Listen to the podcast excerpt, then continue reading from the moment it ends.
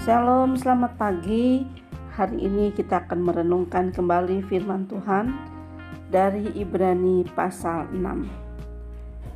Sebelumnya, kita baca dulu seluruh pas ayat dalam satu pasal ini, tetapi kita akan merenungkan ayat 11.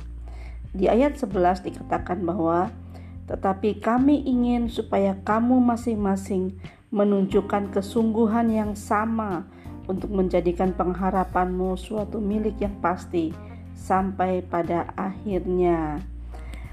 Anak-anak semua, setiap kita pasti memiliki yang namanya pengharapan. Pengharapan itu biasanya sesuatu yang besar. Apa yang kita harapkan? Anak-anak eh, eh, belajar di sekolah pasti punya pengharapan.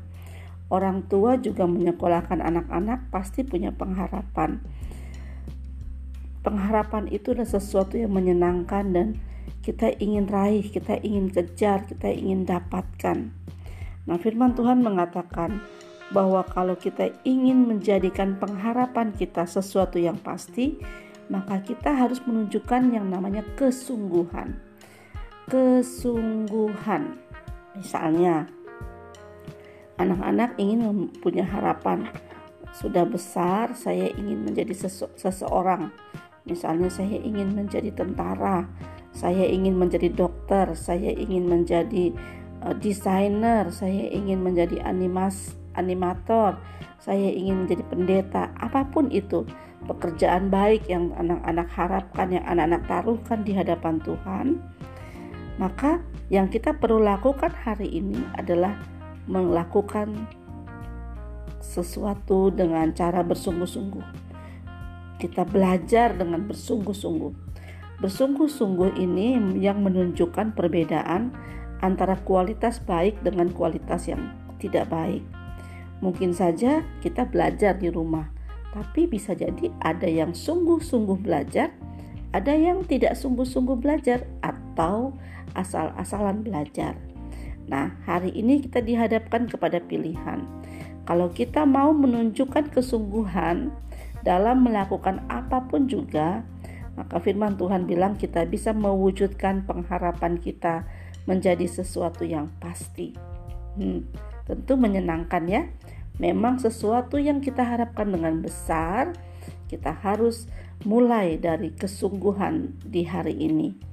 Wah, kemarin kita mendengar berita yang menyenangkan di Olimpiade. Ada medali emas, medali perak, medali perunggu. Mereka semua yang meraih medali itu terlebih dahulu sebelumnya berlatih dengan bersungguh-sungguh.